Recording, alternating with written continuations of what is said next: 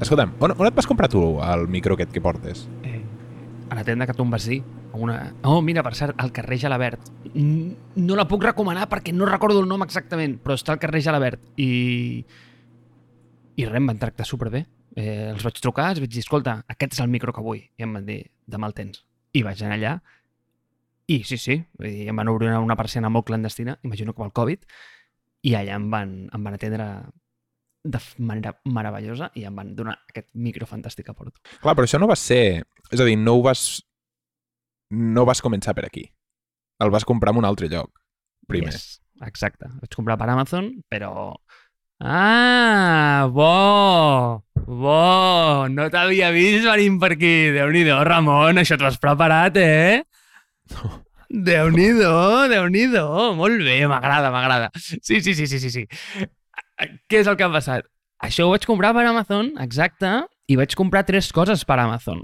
Vaig comprar el suport, vaig comprar el peu del micròfon i vaig comprar el micròfon.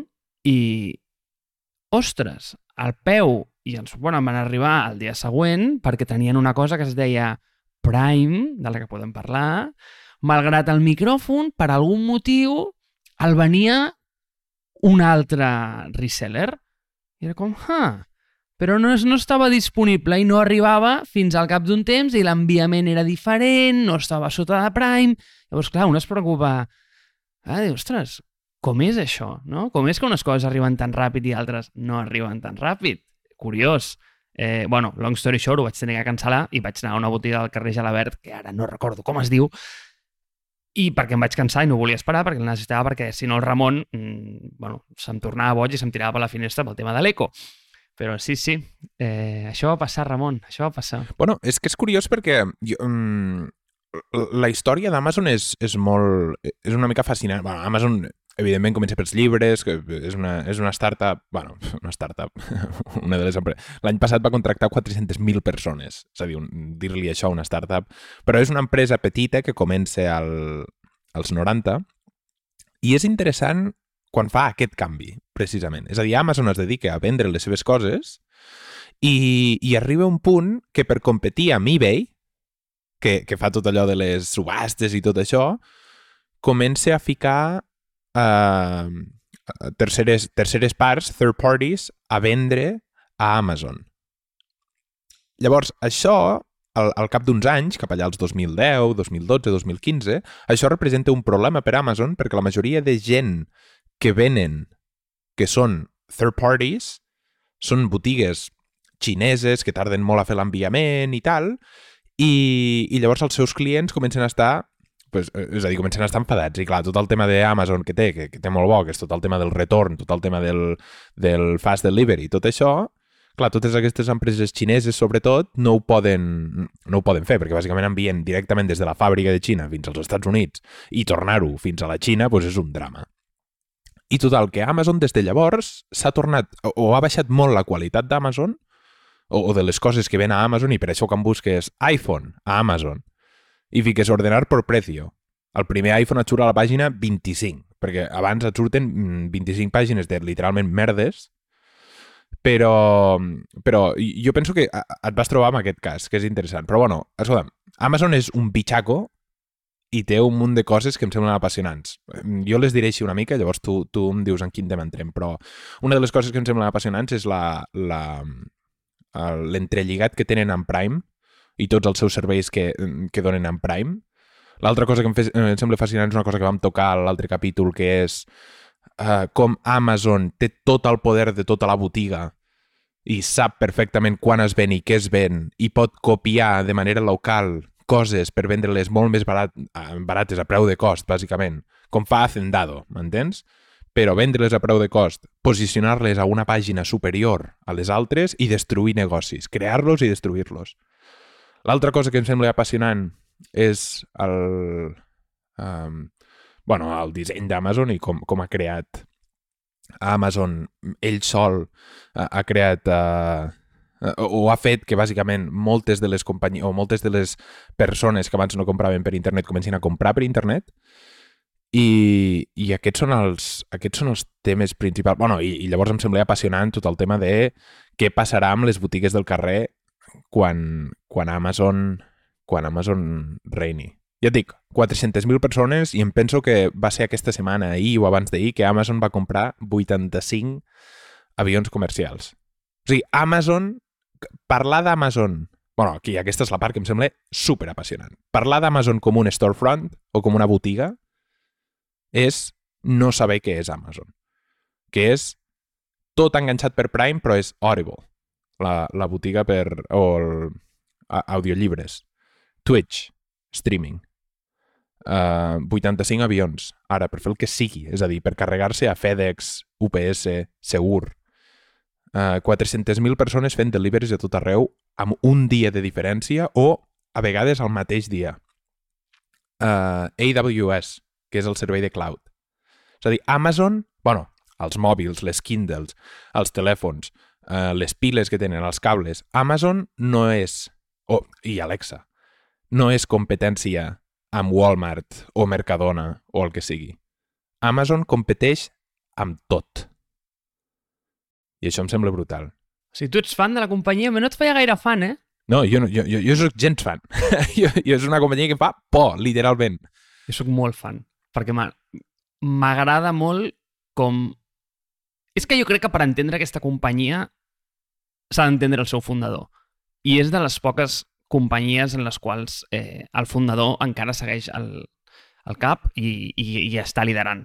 I té absolutament té un poder de decisió sobre cap on va la companyia que no tenen altres empreses que estan molt més supeditades al que diran els, eh, els mercats bursàtils. I, malgrat sí que té com, bueno, pues el, el xec aquest quatrimestral eh, que ha de fer amb els inversors, etc crec que és de les poques empreses que es deixa guiar per això, sinó que realment té una visió a llarg plaç que passa per sobre d'això. I, i crec que n'hi han comptades empreses que fan això a dia d'avui, que són públiques. Si no, fill meu, avui en dia has de ser privat. Malgrat, malgrat, i pensava que no arribaria aquest dia, no estic d'acord amb tu. En el sentit de que el gran canvi d'Amazon ve pel tema dels eh, resellers i del tema del third party entrant en els seus, eh, en els seus warehouse. I et diré, o sigui, de nou, eh?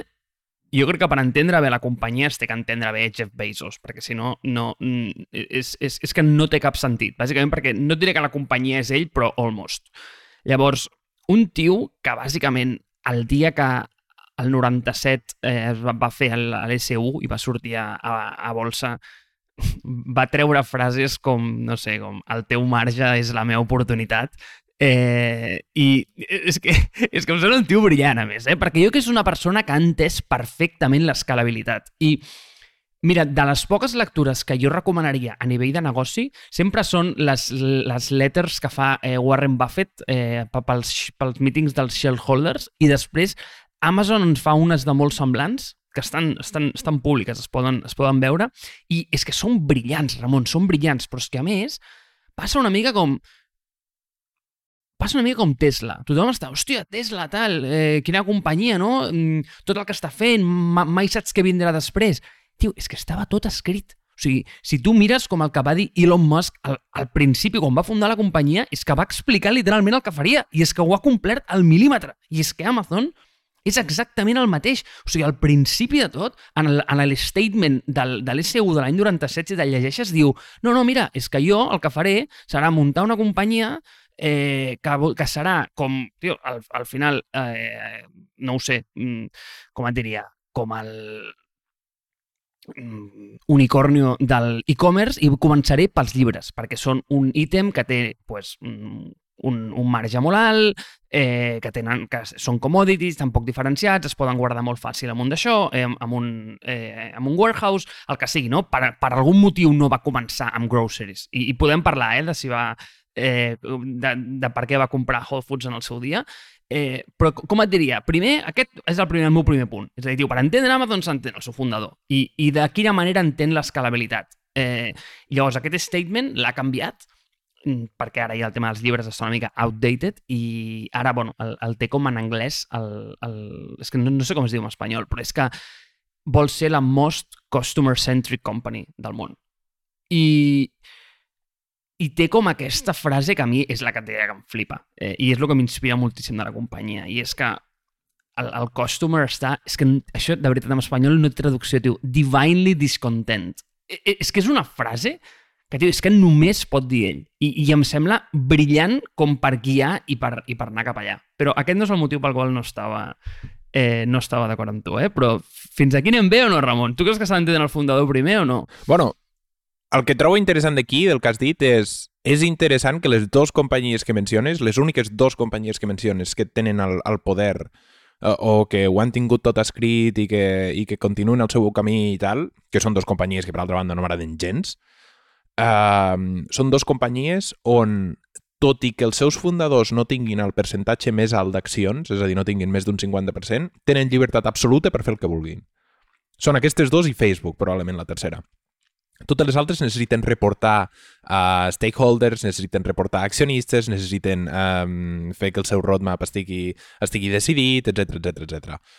Uh, super interessant que les tres companyies, bueno, uh, dos de les persones més riques del món, si no les més riques del món, i llavors Zuckerberg, que és un tio que s'està carregant la democràcia així, vull dir, com qui no vol la cosa, aquests tres són tios que tenen mils i mils i mils i mils de treballadors i que no necessiten respondre a ningú i tenen llibertat absoluta. O sigui, parle molt malament del sistema, del sistema capitalístic. Per això continuo donant-hi voltes. Encara no ho hem solucionat. Encara no ho hem solucionat. Però, um, però sí, d'acord, s'ha d'entendre el fundador. Però, escolta, no, no, no, no et fa por que que Amazon... És a dir, m'agrada pensar en els productes i m'agrada pensar en les coses i amb el poder, sobretot, com una bola de neu. Que comença petita, comença amb un floc de neu i com més va baixant la muntanya, més gran es fa, i més gran, i més gran, i més gran, i més gran. I com més gran es fa, més fàcil és que agafi més velocitat. M'agrada molt pensar en aquesta analogia, perquè llavors, què et pare? A no ser que et pari un arbre, que és regulació, o no sé què et pari un poder superior, que és probablement l'Estat, govern, etc, que per altra banda els pots comprar, als Estats Units sobretot, què et pare? I clar, quan veig a Amazon, que és una bola que s'està ficant, eh, que té bàsicament calés infinits i s'està ficant a tot, no és com Apple, que està bàsicament centrat en, un, en una línia de productes, que és consumer electronics, és a dir, electrònica per tota, per tota la gent. Què, què pot parar Amazon? Què, en un futur, sobretot? Vale. Ramon, has dit la frase, i és que dius... Mira, és que no ho havia pensat així, però... Mira, has dit, està ficada amb tot.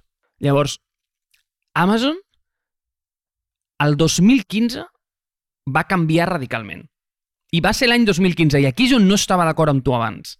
Eh, per mi, el gran canvi d'Amazon no ve pels, eh, pels third parties, pels resellers, que això, això en podem parlar, si vols, eh? podem dir que quina part del seu marge operatiu ve per allà, el que vulguis. Però per a mi el gran canvi va venir el 2015. I és tan fàcil entendre-ho com mirar el seu stock price. O sigui, el seu stock price està més o menys flat fins al 2015.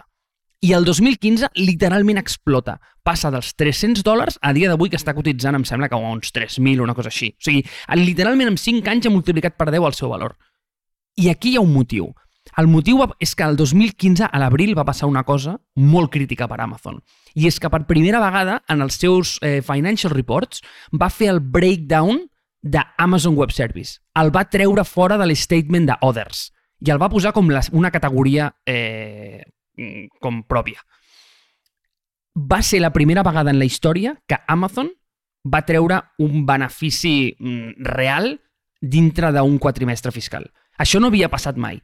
I, i, I per entendre això, el que s'ha d'entendre és com opera Amazon. I és que, eh, de la mateixa manera com Apple és una companyia molt funcional, eh, on, on, on tens com els departaments molt estructurats. Amazon, eh, i això és ben sabut, eh, vull dir, està explicat a mil llocs, és a dir, opera com petites startups, eh, que són els diferents productes, i cada una d'elles, d'alguna manera, doncs, té el seu PNL i aquestes, doncs, hi ha algunes que són deficitàries, hi ha altres que treuen molts beneficis i les que treuen molts beneficis apoyen a les que són deficitàries. I llavors, com per Bezos, el fet de que la companyia no tragués ni un benefici fins al 2015, i quan dic algun, era, era, era mínim, o sigui, era només allò per, per sortir a la foto, eh, no era un problema, al contrari, era una cosa com per estar orgullosa, perquè literalment estava reinvertint tot el que tenia cap a dins una altra vegada per crear, i, i, i al final és això, no? Prova error. Moltes d'elles se'n van anar a la merda. Mira el, el, el Fire Phone, vull dir, és un experiment eh, d'èpic fail històric, no? Eh, però el 2015 va passar una cosa i és que allà van començar a entrar més diners dels que es podien reinvertir dintre d'aquestes petites companyies. I això va ser Amazon Web Service. I arran d'això, per què aquesta maniobra em sembla brillant? Perquè llavors no estava tan clar que un third party et pogués portar les teves operacions tecnològiques. És a dir, llavors era bastant sabut que tothom tenia que tenir el seu data center o les teves operacions dintre de casa. Llavors aquesta aposta no era tan, tan, tan, tan clara.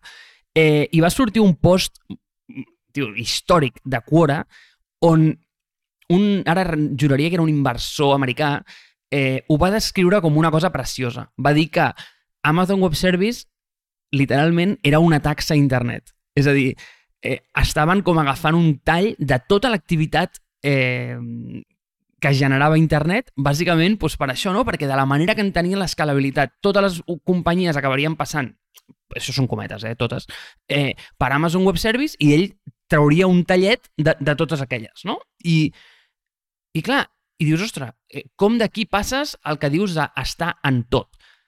A mi el que m'agrada pensar és que no és una taxa a internet, sinó que Amazon en si és com una taxa a tota l'activitat econòmica. I llavors tu tens, eh, Prime, és una taxa a l'e-commerce.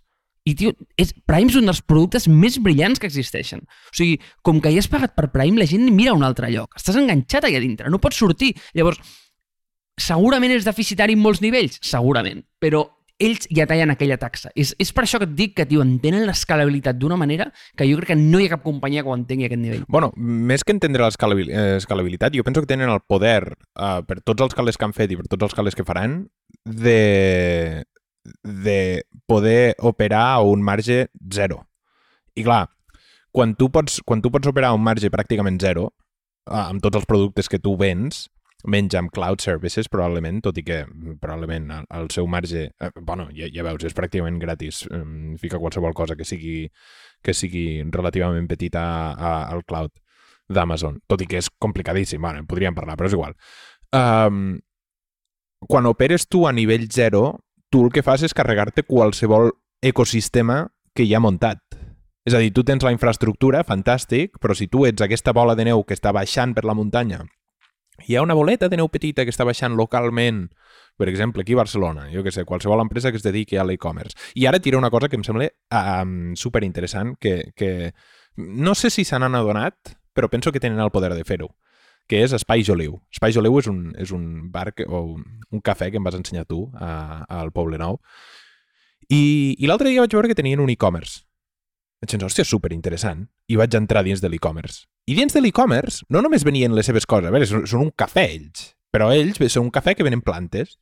I no només hi havia les plantes, o no crec que ni que hi hagués les plantes, va, és igual, fiquem que hi hagués les plantes, sinó que hi havia coses de tot d'artistes locals i hi havia calendaris, hi havia tasses fetes a mà, hi havia plats fets a mà, hi havia eh, revistes, hi havia llibres, i clar, aquesta boleta que està començant a Joliu, que el seu envió tarda una mica més, els seus productes no venen tan ben empaquetats, no arriben tan ràpid... Clar, aquesta gent no pot operar a cost zero, bàsicament perquè pague als seus treballadors o pague un servei de missatgeria. Clar, quan tu literalment tens el control de tot això i tu pots pagar literalment sous de merda als teus treballadors, hòstia, és molt complicat competir amb això, eh? Això va passar mon pare li va passar les Borges Blanques.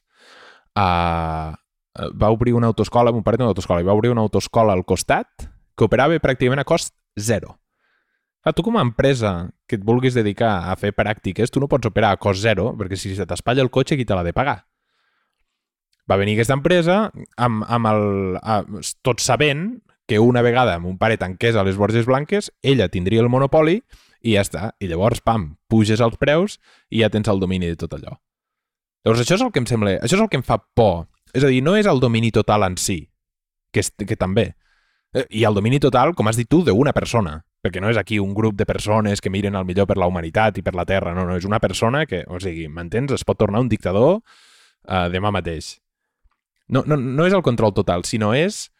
Um, el, bueno, sí, és el control total. d'aquesta persona i sobre, sobre pràcticament, bueno, so, sobre tot el comerç i sobre tot el que té a veure amb, amb, amb bueno, tot el que Amazon toque.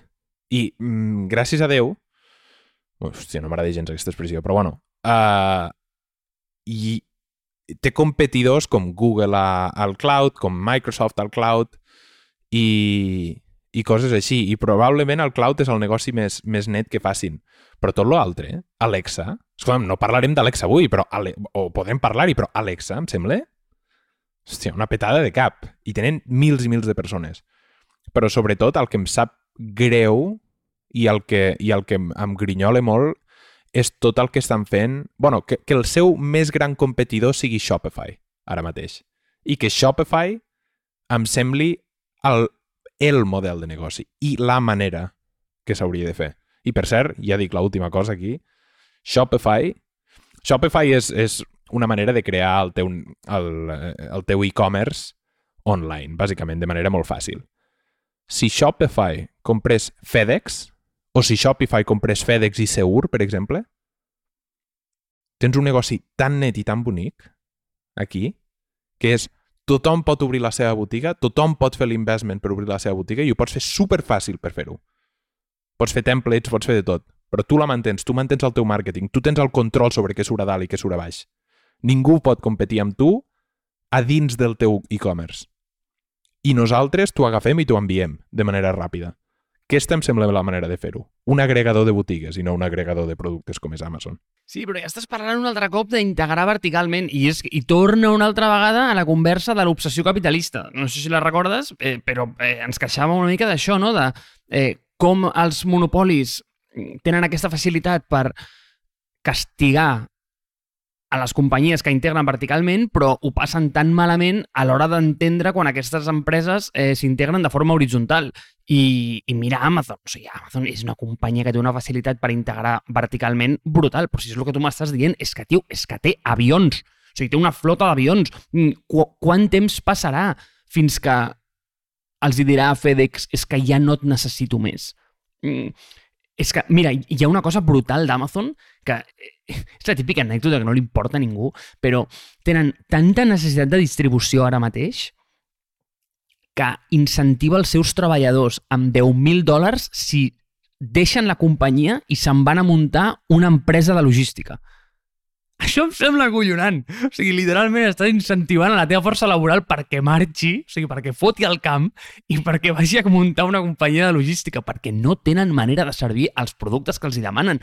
És que eh, el programa Amazon Flex, a mi, de veritat, eh, és, que, és que em sembla a veure, és que no sé si dir com maquiavèlic, brillant, eh, no ho sé, però és com d'alguna manera atomitzar tant l'oferta de, de, del supply, que és, ai, del, de la distribució, que, que, és, que és impressionant. A mi em sembla impressionant. O sigui, i, o sigui mira, això que m'acabes de dir, o sigui, només per això que m'acabes de dir, ja hauríem de tancar aquesta empresa.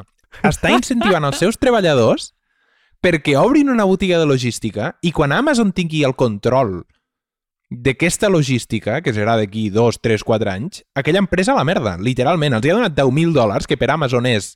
Mira, Amazon, 10.000 dòlars, 10.000 dòlars, 10.000 dòlars, 10.000 dòlars. Els acaba de donar això per d'aquí 3-4 anys rebentar-los. Em sembla... O sigui, quan deshumanitzes tant uh, el, el comerç i quan deshumanitzes tant totes aquestes indústries, et tornes això. Un bitxo que està competint amb bàsicament tot el món. A mi no em sembla bé que... que... És a dir, mira, quan a, quan a, quan a consumidor que sóc de, de, de qualsevol cosa, de qualsevol cosa que pugui comprar a Amazon, a mi que m'ho enviïn en un dia, que tingui 30 dies per retornar-ho, o que m'ho bàsicament el mateix dia, que tingui 30 dies per retornar-ho, que em tornin als calés pràcticament immediatament, que totes les coses estiguin amb descompte i molt barates. Això m'encanta. És fantàstic. És perfecte. Però com és que Amazon pot fer-ho, això? Com és que la botiga de uh, Marcel Electronics uh, no pot vendre les Philips Hue per 60 euros com les ven Amazon i les ha de vendre per 90 euros? Com pot competir Marcel Electronics contra Amazon quan saps que Amazon està perdent calés? Això és una història, i aquí uh, et, deixo, et deixo parlar, que és com els pollastres. Tu saps que els, el, la majoria de supermercats venen pollastres com a... És a dir, la venda de pollastres a un preu tan baix no els hi surt a compte, sinó que són campanyes de màrqueting perquè la gent pugui anar-hi, vegui el pollastre barat i quan compri el pollastre compri les altres coses al supermercat?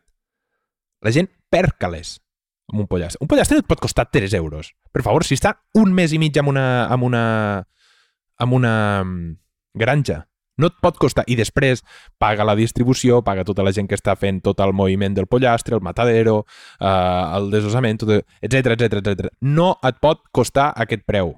I a Amazon no li pot costar 60 euros o no li pot costar 0 euros el delivery d'una persona que ve aquí i, i d'allò. Llavors, els calés surten d'algun lloc i els canalitze cap a, bàsicament, tenir el poder total del comerç.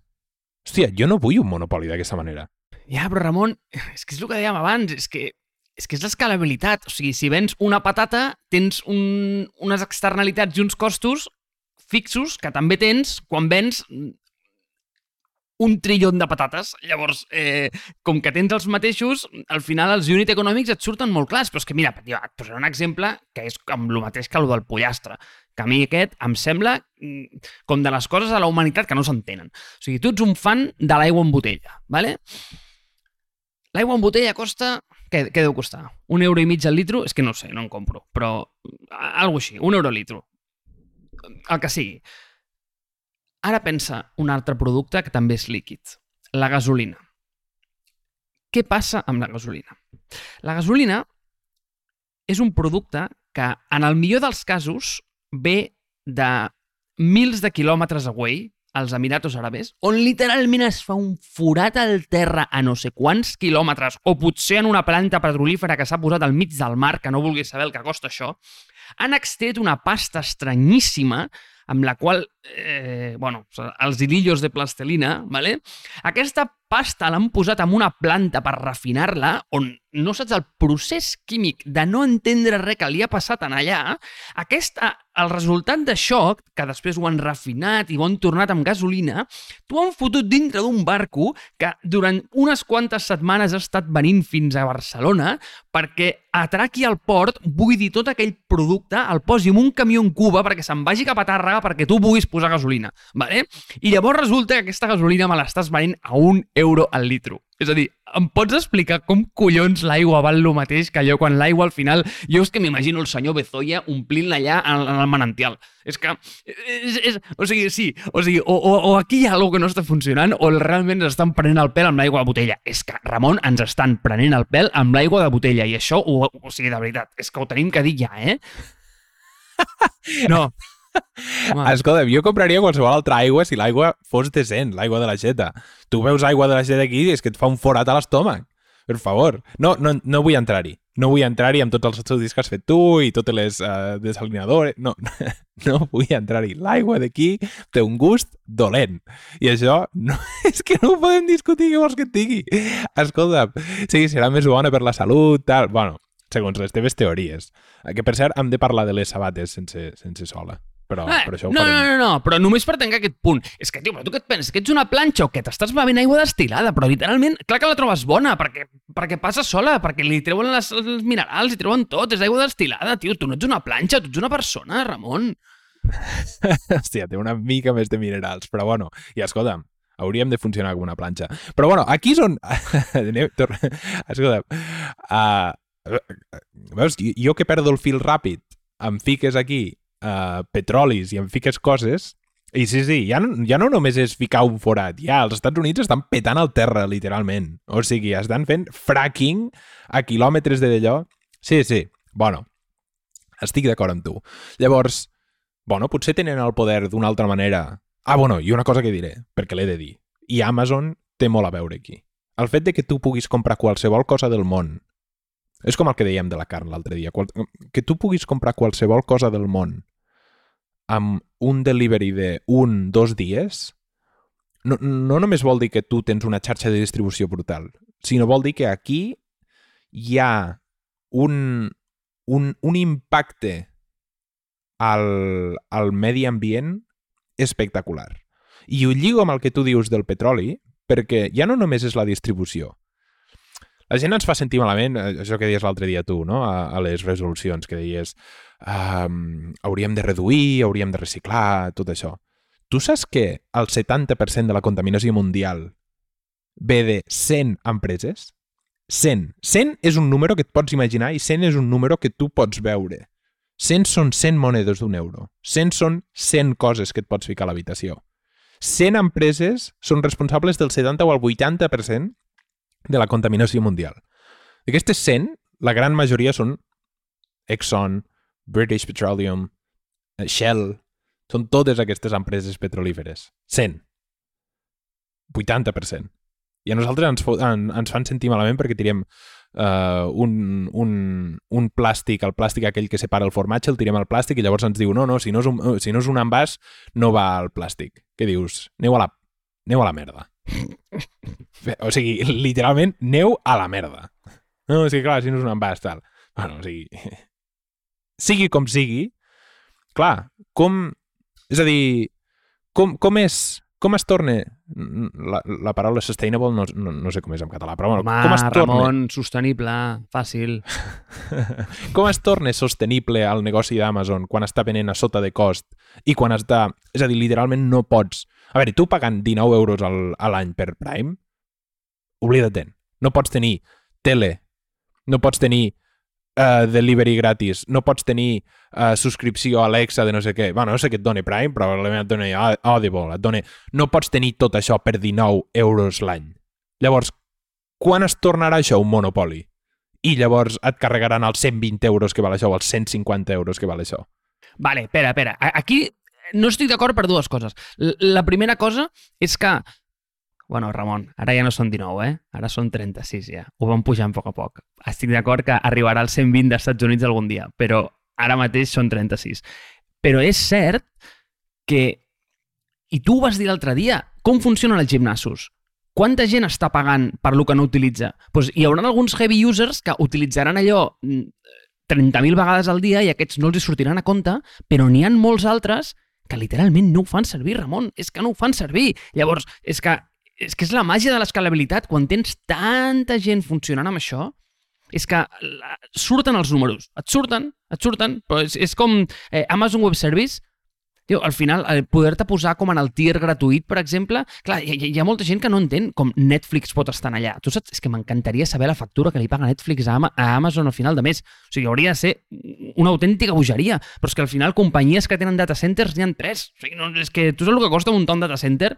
És com organitzar una primavera, allò.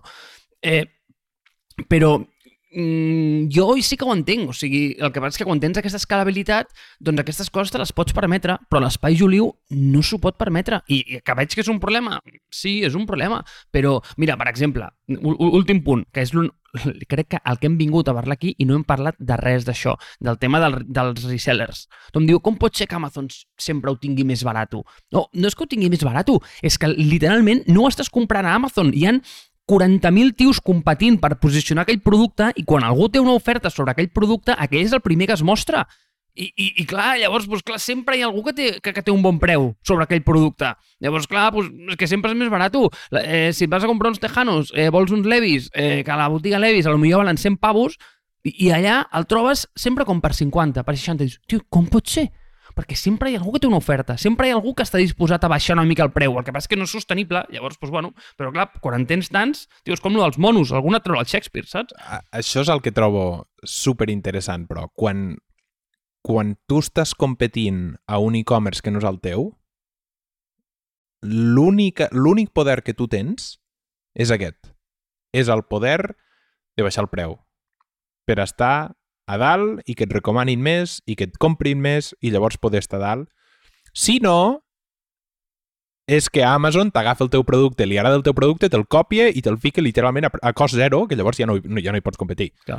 Que, que això és una altra cosa. Eh? Amazon ha creat mm, negocis de 30, 50, 60 milions de, de revenue a l'any i després el rebente ficant el mateix amb, amb Amazon Basics.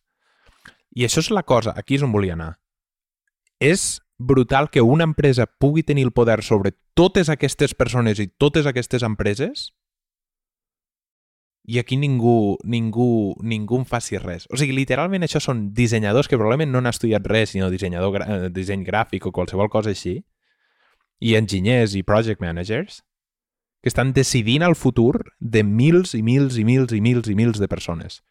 I aquí, tu, per, per fer una casa, aquí a Barcelona, necessites no sé quants títols i no sé quantes obres i no sé quants d'allò, i necessites firmar el paper i, i, i d'allò de responsabilitat, etc. Te'n recordes? Això t'ho deia jo fa, fa un parell d'anys.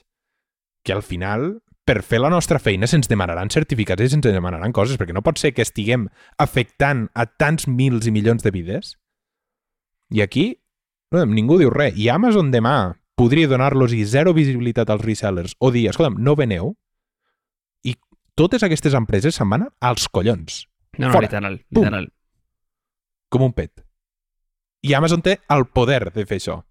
Uh, hòstia. Eh, eh, Em sembla tan apassionant com que Twitter tingui el poder de borrar contingut que no vulgui a la seva plataforma i Twitter és la manera pràcticament, o, o Facebook, tingui la, la, el poder d'obrir la porta o tancar la porta a cert contingut, però a la vegada Facebook és una entitat privada que vella pels seus interessos més que ningú. I, bàsicament, tu, la única manera que tu veus Facebook és, o que tu llegeixes les notícies és seguint Twitter o Facebook. Uf. No, no és el cas, eh? Està molt més atomitzat, però si fos el cas, això ho veuríem com una aberració. I hi ha molta gent als Estats Units que l'única manera que veu les notícies és a través de Facebook.